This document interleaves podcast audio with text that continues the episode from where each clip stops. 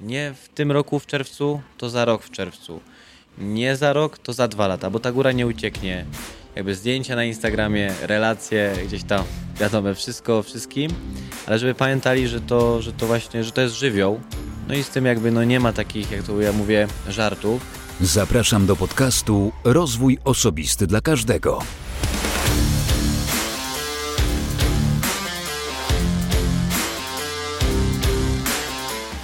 Dzień dobry, cześć. Ja nazywam się Wojtek Struzik, a Ty będziesz słuchać 244 odcinka podcastu Rozwój Osobisty dla Każdego, który nagrywam dla wszystkich zainteresowanych świadomym i efektywnym rozwojem osobistym. Dzisiaj rozmowa z gościem.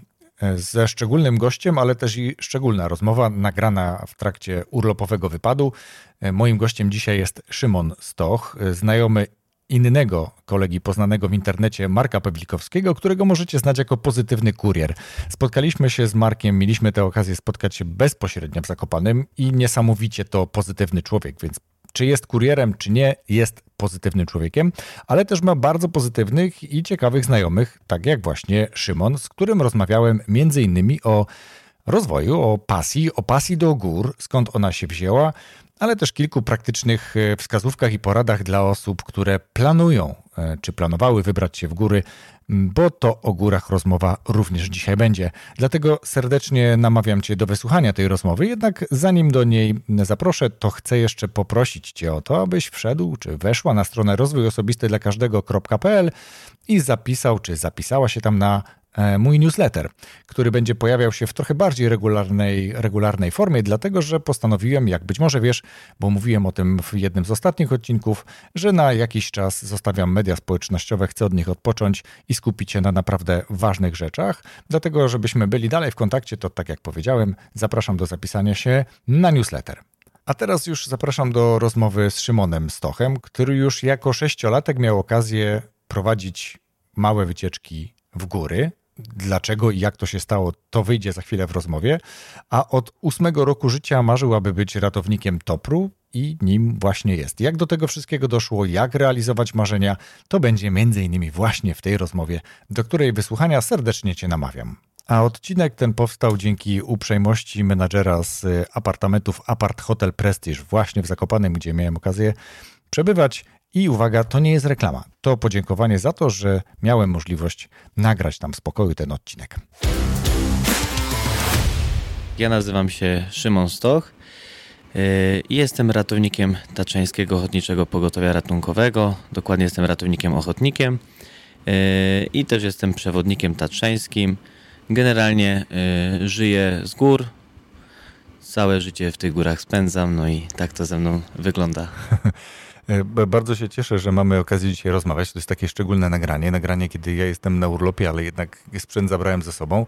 A wczoraj byliśmy e, pospacerować sobie po górach e, z kolegą Markiem, Markiem Pawlikowskim, którego, co po niektórzy w internecie mogą znać jako pozytywny kurier.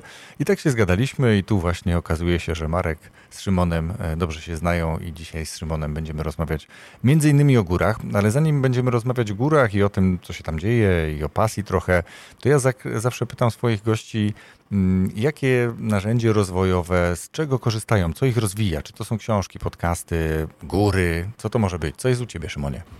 E, u mnie ja generalnie e, rozwijam się, czerpiąc jakby taką, jakby to powiedzieć, e, dumę z innych moich starszych oczywiście kolegów. Obserwuję sobie ich, jak działają w górach, patrzę na to, co robią, jakie kroki gdzie podejmują, w jaki sposób się rozwijają. No i gdzieś w tym kierunku patrzę i, i idę. No i tak to wygląda, że generalnie, jak to mogę powiedzieć, ze starszych kolegów biorę przykład i w tym kierunku cisnę. Czyli masz kilku, można powiedzieć, mentorów, którzy swoim doświadczeniem dzielą się, a ty z tego doświadczenia czerpiesz i tak się rozwijasz. Tak, dokładnie. dokładnie Rewelacja, tak. super. No właśnie, to jest też bardzo dobre znaleźć kogoś, kto już jest tam, gdzie ty chcesz być, czyli chcesz być lepszym ratownikiem, lepiej pomagać zakładam i, i wtedy Dokładnie, albo na... lepszym przewodnikiem, albo coś, lepszym coś przewodnikiem. w tym stylu, dokładnie. Mhm. No, właśnie, i to jest też coś, co myślę, że dzisiaj y, spróbujemy, żeby wybrzmiało w naszej rozmowie, że czasem warto na przykład usług takiego Szymona czy innego przewodnika górskiego skorzystać, bo oprócz tego, że jesteście zaopatrzeni w pewnego rodzaju bezpieczeństwo wynikające z jego doświadczenia i wiedzy, ale też zapewne możecie posłuchać ciekawych historii o szlaku, czy o tym, na co właśnie patrzycie, bo tak czasami patrzymy na te góry, mówię tutaj w liczbie mnogiej, bo sam czasami tak mam, patrzymy na te góry i się zastanawiamy, co to za szczyt, który to szczyt, jak on wygląda. Osoba w postaci Szymona myślę, że doskonale się orientuje i jest w stanie też jakieś ciekawe historie poopowiadać. Dobrze mówię? No, generalnie tak jest. Y, to jakby tutaj chodzi o to doświadczenie, czyli po prostu ilość razy, które człowiek gdzieś tam był w tych górach. Jakby tutaj taki przytoczę przykład. Y, no, ja na przykład na samym Giewoncie od 2015 roku byłem około 300 razy. Wszystko mam policzone, mam taki kapownik i to byłem 300 razy w różnych warunkach, w różnej pogodzie, z różnymi ludźmi, w różnych sytuacjach. Yy, I generalnie no, jakby to wszystko wynika z doświadczenia, to, to, to poznanie góry, yy, jakby ta wiedza na, tych, na temat tych gór, no chcąc, nie chcąc, idąc 300 razy w tamtym kierunku, no to już się nauczysz tego wszystkiego, co jest wokół, wiesz na co uważać, wiesz kiedy uważać. Jakby no, yy, masz taki backup zbudowany przez to, ile czasu w tych górach po prostu spędzasz, no nie? Mhm. No właśnie, myślę, że zanim przejdziemy do tego, jak się przygotować, to najpierw chciałbym Ciebie zapytać, bo na samym Giewoncie byłeś 300 razy. To jest tylko Giewont, e, albo aż Giewont. Tych gór w okolicach e, ciekawych, pięknych, atrakcyjnych, atrakcyjnych turystycznie również jest bardzo dużo. Czyli zakładam, że na wielu innych górach również byłeś wiele razy. Jak to się u Ciebie zaczęło? Skąd ta miłość do gór? Mm, generalnie u mnie w domu było tak, y, że od małego nas mama zabierała w góry, y, począwszy od takich etapów, że byliśmy w wózku, później y, noszeni gdzieś w jakichś nosidłach, chustach, do takich etapów, że chodziliśmy sami już za mamą za rękę. I moja mama jakby trudniej się wynajmem pokoi. I już tak od 5-6 roku życia jak y, do mojej mamy przyjeżdżali goście na przykład na pokoje spać, no to były wakacje, mama musiała sprzątać, siedzieć z gośćmi, nie było co ze mną jakby tak y, zrobić. Y, no i mama proponowała, że na przykład, słuchajcie, no to weźcie Szymka, jak idziecie w góry, Szymek już na Giewoncie był, pokażę wam jak wyjść, gdzie jest jakiś szlak, on tam zna. No i na takiej zasadzie ja chodziłem z gościami. Potem goście mi kupowali na przykład obiad, jakąś zabawkę, tam się z dziećmi ich pobawiłem. No i tak już od małego chodziłem po tych górach z, z, z gośćmi. Jak miałem 8 lat, to sobie zamarzyłem o tym, żeby zostać ratownikiem Topru. A to tylko temu, że e, zawsze chodziłem w te góry, to często widziałem ten śmigłowiec, który wracał z tych gór albo leciał nie. I pomyślałem, kurde, jestem tutaj już piąty czy tam któryś raz. Yy, warto by było zainwestować w taki śmigłowiec i po prostu sobie nim latać albo wracać, żeby nie męczyć tych nóg. No i gdzieś tam tak zacząłem się interesować tym toprem. No i tak generalnie mogę powiedzieć, że od ósmego roku życia marzyłem o tym i wszystko, co teraz robię, no to, no to to jest to, co sobie wymarzyłem od Czyli takiego małego. Marzenia się nie spełniają, marzenia się spełnia i ty, Szymonie, y, od kurczę, no to niesamowite. Sześciolatek już oprowadzał gości po górach, a ośmiolatek zamarzył sobie, że będzie ratownikiem Topru i jesteś dzisiaj ratownikiem Topru. Od kiedy jesteś ratownikiem? Yy, ratownikiem jestem w sumie już jakby w poczet tutaj członków Topru zostałem przyjęty w 2019 roku w sierpniu. E, przez dwa i pół roku prawie byłem ratownikiem kandydatem, bo to jest taki jakby tutaj e, czas przygotowawczy, jakby szkolą nas, później jest to zwieńczone takim egzaminem z wszystkiego, e, czego gdzieś tam nas nauczą. No i w sumie od 2021 roku, od października jestem ratownikiem ochotnikiem, czyli jakby mam już taki pełny status ratowniczy Hmm, mam wszystkie uprawnienia, no i mhm. tak sobie A czym się różni ratownik ochotnik od ratownika zawodowego? Jak to się nazywa wtedy? Hmm, tutaj jest różnica taka, że jakby ratownicy zawodowi, no to, no to jest ich praca, tak? Mhm. Oni przychodzą jakby do pracy, są to osoby no, doświadczone, już tam mają duży staż w tych górach, dużą ilość wypraw, yy, no są to jakby swojego, można, no, trzeba nazwać, specjaliści w, mhm. danym, w danej dziedzinie, a ratownicy ochotnicy są to po prostu ratownicy, którzy to robią jakby z pasji, yy, również dobrze wyszkoleni, również z fajnymi, dobrymi umiejętnościami, yy, tylko po prostu nie jest to ich praca. Mhm. Przychodzą na dyżury społecznie, jeżeli mają czas, no to, no to, no to działają, jeżeli nie, no to nie działają. Yy, szkolą się, mhm. ratują. Dobra, to przejdźmy teraz, bo mm, co prawda pewnie gdzieś jesteśmy bliżej zwieńczenia y, końca wakacji, natomiast y, w góry chodzi się nie tylko latem, w góry często ludzie wybierają się również i wiosną, i jesienią i pewnie ci mądrzejsi i bardziej wykwalifikowani się wybiorą y, zimą, ale to bywa różnie. Jak przygotować się do wyjścia w góry? Czy jest jakiś proces, coś na coś trzeba istotnie zwrócić uwagę? Ubiór, przygotowanie fizyczne, co zabrać ze sobą? Poopowiadaj trochę, jak się dobrze przygotować, żeby bezpiecznie wyjść w te góry i bezpiecznie z nich zejść. Y, no przede wszystkim jak idziemy w miejsce, które, które gdzieś tam, gdzie będzie to pierwsze nasze wyjście w to miejsce, y, pasowałoby się z tym miejscem troszkę zapoznać. Czyli tak, przede wszystkim y, sprawdzić, ile to jest kilometrów, ile to jest przewyższenia, jaki to jest stopień trudności szlaku, czy to, są, są tam jakieś e, sztuczne ułatwienia, czy jest dużo ekspozycji. Potem trzeba sobie odpowiedzieć na takie pytanie, czy ja się boję, czy mam lęk wysokości, jak reaguję na przestrzenie. Jeżeli to już sobie tutaj zaplanuję i, i, uznam, że to jest jakby na takie moje możliwości, no to powinienem to gdzieś tam dalej zacząć planować. Generalnie dzisiaj już z tym planowaniem jest o tyle łatwo, że wszystko jest nagrane w internecie. Wchodzę mhm. na YouTube'a, wpisuję rysy, Mam tysiąc filmów z wejścia na rysy o każdej porze roku. E, no i generalnie trzeba wziąć pod uwagę, jaką pogodę yy, będziemy mieli na wyjściu, jaki to będzie generalnie okres, czy to będą wakacje, czy czerwiec, czy lipiec, czy sierpień. Yy, trzeba wziąć pod uwagę, co na tym szlaku się znajduje, czyli na przykład tak jak w tym roku w czerwcu było bardzo dużo śniegu, no to pasuje na bieżąco śledzić te warunki na szlaku na jakichś grupach.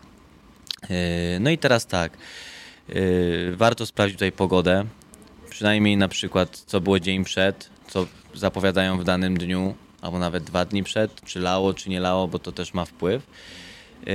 No, generalnie odpowiedzieć sobie, czy, czy jakby jest to na pewno adekwatna trasa do moich umiejętności. Yy, czyli gdzieś tam sobie odpowiedzieć na te pytania, gdzie wcześniej byłem, ile kilometrów zrobiłem, jakie przewyższenia, ile godzin na trasie. I teraz według tego powinniśmy sobie zaplanować, co zabieramy. No to wiadomo, zawsze i czołówka, i jakaś apteczka powinna być, większy plecak, kurtka przeciwdeszczowa. Ja często jak tak wychodzę gdzieś wyżej, zawsze mam jakąś czapkę, chustę, lekkie rękawiczki. Czasem ja już tak z doświadczenia biorę taką bardzo małą kurtkę puchową, którą tak się fajnie kompresuje, gdzieś tam jest na dnie plecaka. No woda, jedzenie to jest według swoich tam uznań. Ja zawsze na przykład w góry zabieram litr wody, jakąś czekoladę, jedną bułkę. Ja generalnie w górach mało co jem. Yy, no tak, chyba już wspomniałem, jakieś światło. Mm, no jak to jest lato, to wiadomo, okulary, przeciwsłoneczne czapka. Jak to są jakieś wyższe szlaki, no to kask. Dobrze też czasem, jak idziemy na jakąś orlą perć, coś w tym stylu, mieć jakąś uprząż, jakąś lążę, żeby się w razie w gdzieś tam yy, dopiąć do łańcucha, jak się boimy. Yy, no i generalnie tak to gdzieś wygląda jak chodzi o to planowanie takiego mhm. wyjścia. Tutaj taki podałem przykład jakby takiej wycieczki już bardziej zaawansowanej. No właśnie, bo tutaj padło kilka takich terminów, gdzie osoby, które wybierają się w góry, mogłyby się albo wystraszyć, albo zastanowić w ogóle, o czym my tutaj rozmawiamy. No bo jest jakby coś, co powiedziałeś na samym początku i coś, co myślę, że warto powiedzieć, bo mm, powiedzieć, gdzie też tego szukać czyli stopień trudności szlaku. Bo e, myślę, że tutaj wyprowadź mnie z błędu, jeśli powiem coś źle, kolory na szlakach nie oznaczają trudności szlaków turystycznych, tylko oznaczają to, czy szlak prowadzi w jakieś określone miejsce, czy to jest szlak, który przeprowadza przez kilka różnych miejsc, czy to jest szlak główny, a my często patrzymy na to, znaczy to jest właśnie my, mówię, my turyści, którzy nie do końca się orientujemy w tym, że patrzymy o czarny, o to trudny szlak. Nie, to nie jest to. Gdzie szukać stopnia skomplikowania szlaku? Jak on jest oznaczany, opisany? Gdzie tego szukać, żeby się do niego e, właśnie dobrze przygotować? Najlepiej już sobie taką wiedzę czerpać z źródeł na przykład albo internetowych, gdzie już te szlaki są bardzo dokładnie wyopisywane i, i, i jest taka podana charakterystyka, że no, no nie jest na przykład dobry szlak na pierwsze wyjście. Yy, są podane informacje, że jest na przykład dużo jakichś różnych ekspozycji. Yy, albo takich Mówiąc trudniejszych... o ekspozycji, yy, co konkretnie mamy na myśli? No, przepaście, strome mhm. zbocza, no strome urwiska, jakieś wąskie ścieżki, które zaraz się, się kończą urwiskiem i, i, i, upadek z takiego urwiska no, może się skończyć śmiercią. Y, już również na mapach turystycznych są zaznaczone na przykład odcinki, gdzie są zaznaczone łańcuchy takimi wykrzyknikami. To już jest jakby taki, można powiedzieć, sygnał, którego nie wolno jakby tam lekceważyć. Lekceważyć, mhm. dokładnie jakby już łańcuchy, no to znaczy, że już tam gdzieś pewnie troszkę jakichś elementów wspinaczki będzie, na pewno jakaś wysokość, ekspozycja i generalnie, szczerze mówiąc, w Tatrach 95% y, miejsc, gdzie się znajdują łańcuchy, no właśnie takie są. Mhm. No tak, bo mamy szlaki turystyczne, które są dosyć proste i łatwe i myślę, że bardzo popularne, czasami z pewnego rodzaju uśmiechem na twarzy, jak powiemy, że idziemy szlakiem na Morskie Oko, no to jest droga prawie do samego Morskiego Oka asfaltowa, gdzie można iść z wózkiem faktycznie dziecięcym i to są takie dla każdego, można powiedzieć, szlak. Chociaż też i tu można się pewnie źle przygotować, bo można iść w klapkach i gdzieś tam się poobcierać i tak dalej. Wiadomo, że się pewnie takie rzeczy zdarzają. Ale są szlaki takie jak e, właśnie czy to na Kościelec, czy na Giewont, czy w parę innych miejsc, gdzie no osoby mogą się obawiać nawet nie o to, jak wejdą na górę, bo jak się idzie do góry, to się patrzy najczęściej przed siebie, ale później jak z tego zejść. Jeżeli ktoś ma jakiś lęk przestrzeni, czy lęk wysokości, to może mieć obawy, jak z tego szlaku schodzić. Czy takie sytuacje się zdarzają, że ktoś wyjdzie sobie właśnie na jakieś, na jakąś, nawet nie do końca na szczyt, bo się w pewnym momencie zorientuje, że dalej już nie idę, bo nie będę umiał, umiała zejść i co wtedy? Y, no, bardzo często tak się zdarza. My mamy dużo takich jakby tutaj interwencji, akcji y, w topsze właśnie związanych z tym, że no, ktoś gdzieś wyjdzie i się po prostu boi i jakby no, y, przeliczy te swoje umiejętności. Źle do, do sprawy podejdzie. Ja również na swoich wycieczkach tak mam. Nieraz prowadzę klientów na przykład na rysy, czy nawet na ten kościelec. To są takie dwa tutaj właśnie charakterystyczne szczyty, na których się mi gdzieś tam zdarza czasem mieć taki po prostu mały problem, że ktoś do góry fajnie, fajnie, a, a na dół już jest trochę gorzej. Mm, no ja to sobie, jak tutaj chodzi o moje doświadczenie, no to sobie z tym radzę. Zawsze mam jakiś kawałek liny w plecaku, uprząż, zawsze to w jakiś sposób tą osobę sprowadzę, ale najczęściej to się kończy na tym, że jej podaję rękę, ja z nią rozmawiam i schodzę po prostu, jak, jak to się śmieje na randce od razu, no nie? Mm -hmm. Tak to właśnie wygląda. E, wczoraj, jak szliśmy z kolegą Markiem, o którym mówiłem na początku, to takie miałem wrażenie, że dużo osób, które mijaliśmy na szlaku w jedną czy w drugą stronę, mm, patrząc po tym, jak były ubrane, głównie zwracając uwagę na buty, to mam wrażenie, że to były buty kupione wczoraj i dzisiaj założone, e, czyli potencjalnie można się spodziewać, że tam dochodzi do jakichś obtarć, do jakichś uszkodzeń, do, do, do później problemu z zejściem pewnie. E, czy to problem butów, e, czy problem innego przygotowania, mentalnego na przykład do tego, że osoby mają trudności z wejściem lub zejściem z góry również? E, generalnie, no, jakby obuwie też na to będzie miało wpływ, ale tak powiem szczerze, że, że tutaj jakby nieraz jak ktoś, jak to mówię, schodzi charakterem, to i nawet boso z takiego kościelca zejdzie podczas deszczu.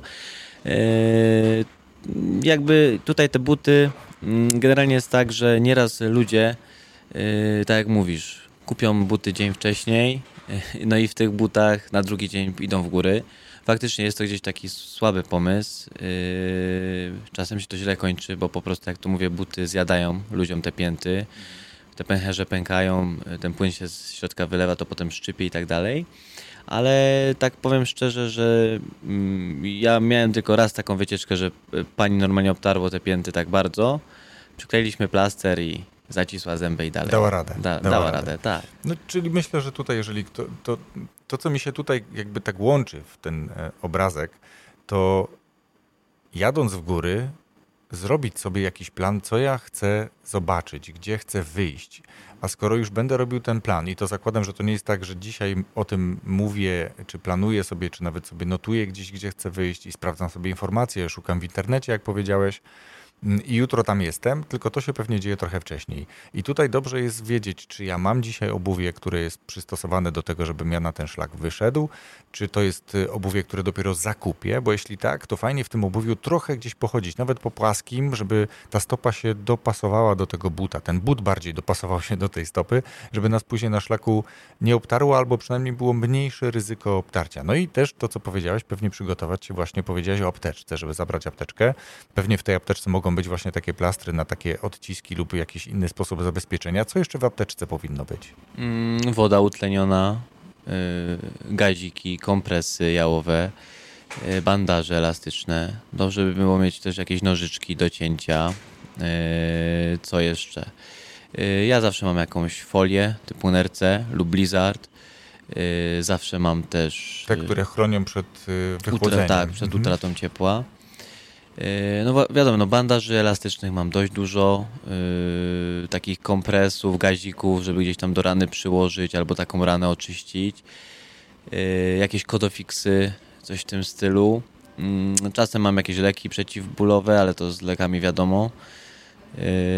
Co jeszcze mam takiego? Pakiety grzewcze.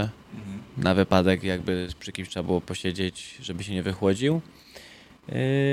Ambu, Generalnie, gdzie, o, mam jeszcze taką, takiego splita, to jest coś ala szyna, yy, taka plasty... Żeby zabezpieczyć żeby na zabezpieczyć ewentualnego złamania, złamanie, czy no. takiego większego No taką, już taką bardziej rozbudowaną jakby apteczkę, ale ja uważam, że taka zwykła turystyczna, gdzie tam sobie ktoś yy, zamówi z jakiegoś sklepu internetowego, sportowego związanego głównie z górami albo z survivalem jest wystarczająca na takim podstawowym poziomie turystycznym. Mhm, oby nikomu nie musiała się e, zdać przydatna, czy zrobić przydatna, żeby z niej nie trzeba było korzystać, ale faktycznie warto, warto to mieć. Natomiast faktycznie ty mówiłeś, co zabierasz, zabierasz e, litr wody, zabierasz bułkę i zabierasz czekoladę.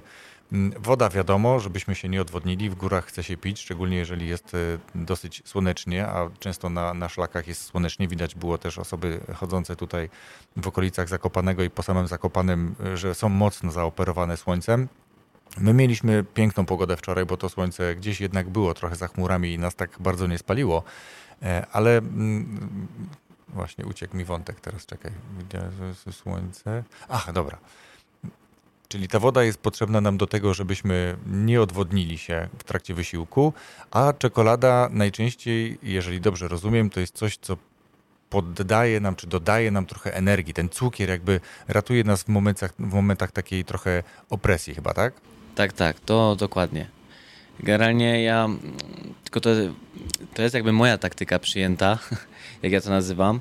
Yy, tylko ja już tak mam od 2015 roku. Tak mogę powiedzieć, odkąd chodzę już tak. Nie chcę, bardziej profesjonalnie. Bardziej profesjonalnie, mhm. dokładnie. Czyli już robię wszystkie możliwe aktywności. Od wspinania się letniego, zimowego, po jaskinie, po skitury, yy, pobieganie w górach, po przemierzanie jakichś długich szlaków, długich dystansów. Yy, no i później poratowanie w toprze oraz już tutaj działalność moją przewodnicką. Yy, I generalnie mm, ja zawsze na przykład wychodzę na czczo. Mhm. Ja nigdy rano nie jem. Wychodzę na czczo, gdzie na czczo zawsze robię takie najlepsze wyniki. Bo jestem lekki, gdzieś tam ten brzuch po prostu na początku boli, bo boli, ale później jak się przyzwyczaja, to jest tak, że naprawdę jak gdzieś tam po małym łyku wody biorę, nieraz się z potoka napiję, tak żeby tego mało brać, nie jakoś dużo. Yy, no i powiem szczerze, że to co zawsze ja mam w plecaku, 90% yy, zdarza mi się tak, że przynoszę tą całą czekoladę, rzadko się zdarza tak, żebym gdzieś przysłab, ale jak już się tak stanie, no to właśnie ta czekolada, tą bułkę zjeść, czasem jakaś Pepsi, taka mała, dobrze jest coś takiego mieć w plecaku. Yy, jakby tak to u mnie wygląda, no nie?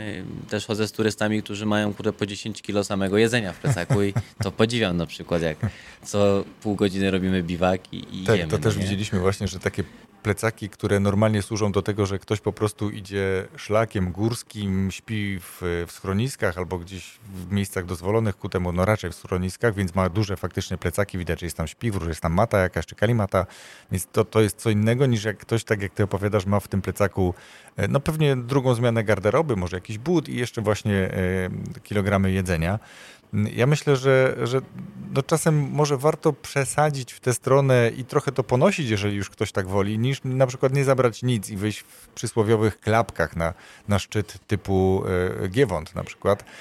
Ale to, co mnie ciekawi, bo, bo Marek trochę też e, tak zasugerował, że tutaj dużo się dzieje, faktycznie też ten helikopter latał, wczoraj też to widzieliśmy, czy to był ten Toprowski, czy nie, no to trudno powiedzieć, bo tam czasami go nie było do końca widać.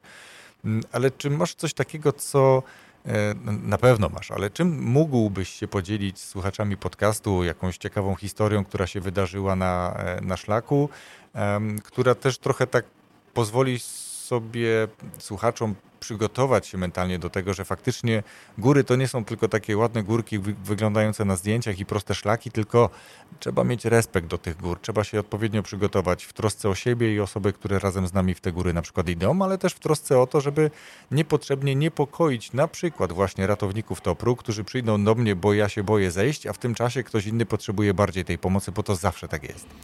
Ja to się mogę podzielić taką y, historią, która jakby się oparła o TOPR, ale głównie się odgrywała w takim moim tutaj y, w tych sferach takich moich jakby prywatnych. Sytuacja wyglądała tak, że miałem wycieczkę na taki jeden z trudniejszych szlaków w Tatrach Polskich i do mnie pewna osoba napisała, y, że chciałaby mnie jako przewodnika, ile by coś takiego kosztowało. Yy, no to powiedziałem, że no cena za takie wejście, no to to jest tam 1700 zł. Jest to yy, temu taka stawka, bo jest to jakby całodniowe wyjście między 10 a 16 godzin, 2150 metrów przewyższenia, 24 yy, kilometry trasy. No do tego trzeba sprzęt załatwić, trzeba tą osobą się zająć, patrzeć na ręce, 4 kilometry bardzo trudnego szlaku, drabiny, mhm. łańcuchy. No, generalnie ta osoba mi napisała, że no, że nie, że, że dziękuję, że kiedy indziej. Mhm. I na drugi dzień ta osoba poszła z jakimś przyjacielem na ten szlak. Mhm. I wszystko się skończyło tak, że wieczorem dostałem wiadomość, że jakby już świadomość tej osoby wzrosła, dlaczego to tyle tak kosztuje. Zapytałem, czemu? Yy, no bo trzeba było ją ściągnąć, tą mhm. osobę, helikopterem naszym, tak. Dostała gdzieś tam ta osoba takiej paniki blokady. No i generalnie e, musiał wystartować nasz śmigłowiec, no i tą osobę zabrać. Jakby, no wiadomo, no to się tam gdzieś każdemu może zdarzyć i, i, i po to też jesteśmy, żeby też z takich sytuacji tych ludzi ratować. No ale jest to taka, takie, mm, jest to taka ciekawa historia, jakby tutaj Yy, już tłumacząca, czemu gdzieś tam taka usługa przewodnicka tyle kosztuje i, i, czemu gdzieś też tego przewodnika jest warto zabrać, jak się nie czujemy na siłach, bo taka jest prawda no, że ja bym sobie, będąc tam, poradził z tą osobą, uspokoiłbym ją, sprowadził, wyprowadził, zrobiłbym wszystko tak, by miało być. A Zgodnie tu, ze sztuką, jak to mówią. Tu kolega niestety, no, rozłożył nie, nie ręce i nie dał rady. E, wiesz co, jeszcze o taką rzecz chciałem cię zapytać. Dużo osób e, mijamy na szlakach teraz e, z kijkami takimi kijkami, które bardzo podobnie wyglądają do tych kijków, które są używane do Nordic Walkingu, nie, bez względu na to, czy są używane poprawnie do tego Nordic Walkingu, czy nie. E, co ty o tym sądzisz? Czy to wyjście w góry z kijkami, te kijki pomagają? W których sytuacjach, jeśli pomagają? Jeśli nie pomagają, to właśnie, to co, co z tymi kijkami? Mm, generalnie ja też y, długo chodziłem bez kijków, ale jak już gdzieś tam zainwestowałem w jakieś sobie kijki karbonowe, takie lekkie i zacząłem z nimi pierwsze chodzić, później biegać, to faktycznie jest duża różnica. Generalnie przede wszystkim, jak idziemy i mamy ręce na dół, to one y, po takim dłuższym marszu puchną. Kada krew spływa, mhm. gdzieś te ręce są po prostu większe, gdzieś tam zaczynają boleć. Y, no przede wszystkim idąc z kijkami, jakby tutaj ręka w łokciu jest y, przygięta do kąta prostego albo pracuje. troszeczkę wyżej, mhm. ona też pracuje. Jakby jesteśmy mniej narażeni na to puchnięcie. Ale przede wszystkim ja idąc z kijkami nie wyjdę tak szybko na żaden szczyt, yy, jakby miał iść bez, no nie? Mhm. Bez nie zrobię takiego czasu jak z kijkami. Generalnie gdzieś, ja już tak się nauczyłem z tymi kijkami, że zawsze gdzieś tam sobie bardziej się wypchnę na tym kijku, jest mi lżej, łatwiej. Generalnie na pewno ja zauważyłem po sobie dużo mnie kijki odciążają, jak chodzę pod górę. Znowu jak chodzę z góry, ja już przyjmuję taką technikę, żeby nie niszczyć kolan, ja nie schodzę, tylko zbiegam. Tak, to właśnie jest bardzo ciekawe to, co powiedziałeś i myślę, że warto rozwinąć, bo to, to mamy takie dwa podejścia, tak mi się wydaje. Wychodzenie do góry męczy, tak? No bo trzeba nogi podnosić, są często stopnie, wyższe kamienie, na nie trzeba się wciągać, czasami pomagać sobie rękami, a schodzenie e, może jest łatwiejsze pod kątem wysiłku, ale trudniejsze pod kątem właśnie często tego bólu, który się później robi, bo to raz, że jeśli mamy źle dobrane obuwie albo robimy to nieumiejętnie, to potencjalnie możemy sobie nawet pozrywać paznokcie u, u dużego palca u nogi na przykład, albo się tam mocno poobcierać, albo sobie pościerać pięty, albo przyjmować całe obciążenie schodzenia z góry, cały nasz ciężar przyjmować na kolana i na staw skokowy. A zbieganie, no właśnie, opowiedz o zbieganiu. Ja generalnie, tylko to też mam jakby z okresu, kiedy, kiedy gdzieś tam trenowałem sobie, biegałem w te góry, nauczyłem się zbiegać. Y, Zauważyłem, że przy schodzeniu, jak schodzimy, no to ta noga, jak ją kładziemy, to zawsze jest ten taki moment takiego położenia i takiego oparcia całej masy na, tym, na tej nodze, na tym kolanie.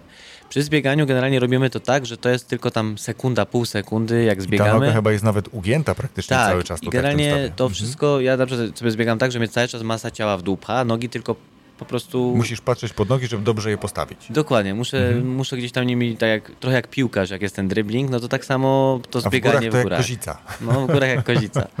E, Dokładnie. No i ja powiem szczerze, że zauważyłem, yy, sobie sam tak robiłem, że tydzień, jak chodziłem z klientami, miałem zajścia w dół, to sobie zbiegałem, co 100 metrów na nich czekałem, albo schodziłem z nimi.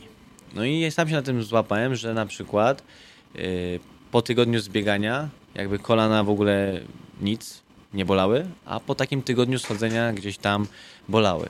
Yy, tylko to tak jak mówię, no to nie jest dla wszystkich, no nie każdy Mhm. będzie zbiegał i tak dalej. Yy, trzeba by było do tego po prostu gdzieś tam dojść, dojrzeć. Tak, bo myślę, że w zbieganiu z gór, no to też, żeby to mm, dobrze przedstawić, nie chodzi o takie zbieganie, że tam robimy jakiś czas, że to jest super prędkość, tylko to chodzi o sposób schodzenia, czyli taki, taki mm, bardziej elastyczny, bardziej taki, gdzie my jesteśmy e, giętcy. I to nie jest jakaś duża prędkość, tylko właśnie trzeba się koncentrować na tym, jak postawić tę stopę, żeby być cały czas w takim takim pogotowiu, że nie jesteśmy wyprostowani. Te, te nasze nogi nie prostują się tak jak normalnie przy powolnym schodzeniu, tylko to jest takie bardzo sprężyste. O tak O, dokładnie, brakowało to mi jest słowa. To jest jak taka, sprężyste. jak taka piłeczka, dokładnie. Mhm. To jest jak taka piłeczka, czyli, czyli cały czas na tych ugiętych nogach, szybko. Yy, można powiedzieć, że to jest taki ala truch, tylko w dół. Yy, no ale no, nogi przy tym dużo odpoczywają. Faktycznie na pewno. widziałem wczoraj kilka takich osób, sam tego próbowałem. Marek, który z nami był, również ym, świetnie sobie z tym radził, że to było takie zbieganie i faktycznie to tak nie męczyło, nie bolały tak stawy właśnie w momencie, kiedy się raczej zbiegało, niż w momencie, kiedy się powoli schodziło, stawiało się bardziej ostrożnie, niby też te, te stopy. No tutaj też trzeba też uważać, tak jak powiedziałeś, bo to są takie zejścia, które są trochę bardziej strome. Wczoraj też było stosunkowo ślisko jeszcze, bo w nocy była burza, więc e, no, trzeba mieć jakby trochę rozeznania i wiedzieć, kiedy sobie w, i w którym momencie mogę na to posta e, postawić, że będę zbiegał, bo na przykład ten szlak jest w miarę wyschnięty, słońce wysuszyło te kamienie i jest lepsza przyczepność, a gdzie jest jakiś taki teren zacieniony i tam jest ryzyko, że te kamienie będą śliskie, no to to zbieganie może być bardziej ryzykowne. No, Dokładnie, to trzeba jakby tak y, popatrzeć y, na miejscu, ocenić sytuację, jak to się mówi, lokalnie, no i wziąć pod uwagę swoje umiejętności, o tak. Mhm. Ja jeszcze dodam tylko, że wczoraj mieliśmy taką super atrakcję dodatkową, bo ja bardzo lubię eksperymentować w ten sposób i po zejściu ze szlaku poszliśmy sobie jeszcze do potoku, gdzie można było zamoczyć się w wodzie, w zimnej wodzie e, potoku, e, co też potencjalnie może trochę pomóc po takim zejściu z gór, żeby się ten organizm wystudził. No to jest taka kriogenika, można czasami powiedzieć. Czy tobie też się zdarza, że po zejściu z gór gdzieś tam idziesz się E, wykąpać? Generalnie nie tyle kąpać, co na pewno nogi zamoczyć. Okej. To tak, zdarza się często. Oczywiście Same tutaj, stopy chociaż, prawda? Tak, same stopy. Oczywiście tutaj trzeba wspomnieć, że na terenie Taczeńskiego Parku Narodowego nie możemy tego robić. To nie był targ. To, No nie, był, tak, to, nie, to- to nie był park taczeński. No, dokładnie. To, to zawsze gdzieś tam, jak sobie zejdę gdzieś tam do tych kuźnic i gdzieś tam już po prostu jest taka opcja, że można. Czy gdzieś tam w rejonie Morskiego Oka, jak już gdzieś zejdę za Palenicę, tam też do wody jest niedaleko, y, no to tak y, robię. Super, świetnie. Czy jest jeszcze coś, em, Szymonie, co chciałbyś powiedzieć w kontekście właśnie wychodzenia w góry, bezpieczeństwa, pasji, radości z tego, że w tych górach naprawdę oczy i serce się raduje, patrząc na to, jak wyglądają te szczyty gór, jak wygląda ta zieleń. I nawet mieliśmy wczoraj okazję, co zresztą wiesz, e, wychodząc e, na szlaku widzieliśmy bardzo blisko młodego niedźwiadka, który się gdzieś tam e, na swoim terenie posiłkował, więc e, posiłkował, czy też posilał, tak gdzieś tam sobie kupa, kopał w, w roślinkach, E, czyli zobaczyć dzikie zwierzę w jego naturalnym środowisku to jest zupełnie co innego niż zobaczyć niedźwiadka- w zoo. Ale to ja znowu zagadałem. Co chciałbyś jeszcze powiedzieć słuchaczom w kontekście chodzenia po górach? Y, takie coś, co będzie na pewno ważne i co wezmą, wez, wezmą sobie do serca, y, żeby zawsze pamiętali o tym, że góry jakby nie uciekną. One zawsze będą, że nie zawsze jest tak, że przyjadą tutaj na tydzień, jest tydzień dobrej pogody i no nie zawsze będzie tak, że sobie zaplanują cały tydzień i powiedzą, że w środę wyjdą na rysy, a w środę jest deszcz, burza, może spaść śnieg, żeby byli tacy mm, jakby, Cierpliwi. powiedzieć, jakby cierpliwi, Tak. tak. Nie w tym roku w czerwcu, to za rok w czerwcu. Nie za rok, to za dwa lata, bo ta góra nie ucieknie. Jakby zdjęcia na Instagramie, relacje gdzieś tam, wiadomo, wszystko o wszystkim, ale żeby pamiętali, że to, że to właśnie, że to jest żywioł, no i z tym jakby no nie ma takich, jak to ja mówię, żartów. Ja sam nieraz się spotkałem z tym, że potrafiłem gdzieś iść w jakieś miejsce i osiem razy stamtąd wracać. Dopiero za dziewiątym się mi gdzieś tam udało wyspinać, wejść, cokolwiek, no nie? Y, Mi się też łatwo mówi, bo ja tutaj mam do gór Blisko. blisko. Mhm. Ja rozumiem, jak tam ktoś przyjedzie z Gdańska i tak dalej, ale żeby zawsze y, działali tak y, zdrowo, patrząc na warunki, jakie panują obecnie, a nie według planu, który został gdzieś tam przyjęty pół roku wcześniej. Tak, faktycznie góry nie uciekną. E, Lepiej wyjść na nie za rok, niż nie wyjść, bo nabawimy się jakiejś poważnej kontuzji, poważnego złamania, albo nie daj Boże, zdarzy się coś gorszego, bo i w górach wiemy dobrze, są wypadki śmiertelne, czego nikomu nie życzymy. Życzymy zdrowego, e, rozsądkowego, ro- e, czy też zdrowego rozsądku, czy zdroworozsądkowego, może tak, podejścia do tego, żeby w takich sytuacjach raczej powiedzieć, ok, nie tym razem, to następnym wyjdę, będę e, zadowolony, a nie będę ryzykował, czy ryzykowała, prawda? No dokładnie tak, bo to zdrowie mamy jedno i jak to się mówi życie, no nie? Super. Szymonie, pięknie dziękuję za tę rozmowę specyficzną i umówioną w ekstremalnie szybkich warunkach dzięki naszemu koledze. E, Dzięki za podzielenie się swoim doświadczeniem, bardzo wartościowym. No i do zobaczenia gdzieś na szlaku. Dziękuję bardzo i pozdrawiam. Rozwój osobisty dla każdego.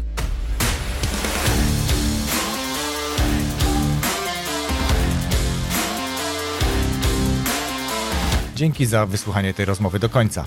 Mam nadzieję, że zapiszesz się przy okazji na newsletter, w którym być może uchylę jeszcze kilka informacji nie tylko z rozmowy z Szymonem, ale na przykład e, z Markiem, pozytywnym kurierem, o którym mówiłem na samym początku. Wierzę, że ta rozmowa nie tylko inspiruje do tego, czy zainspiruje cię do tego, aby realizować swoje marzenia, jak bardzo one są w twoim zasięgu lub bardzo poza zasięgiem i, i aby nie odpuszczać, szczególnie w kontekście marzeń, ale też mam nadzieję, że kiedy będziesz planować, czy kiedy będziesz planowała wycieczkę w góry, to weźmiesz sobie do serca to, o czym mówił mój dzisiejszy gość, Szymon Stoch, ratownik Topru i przewodnik górski.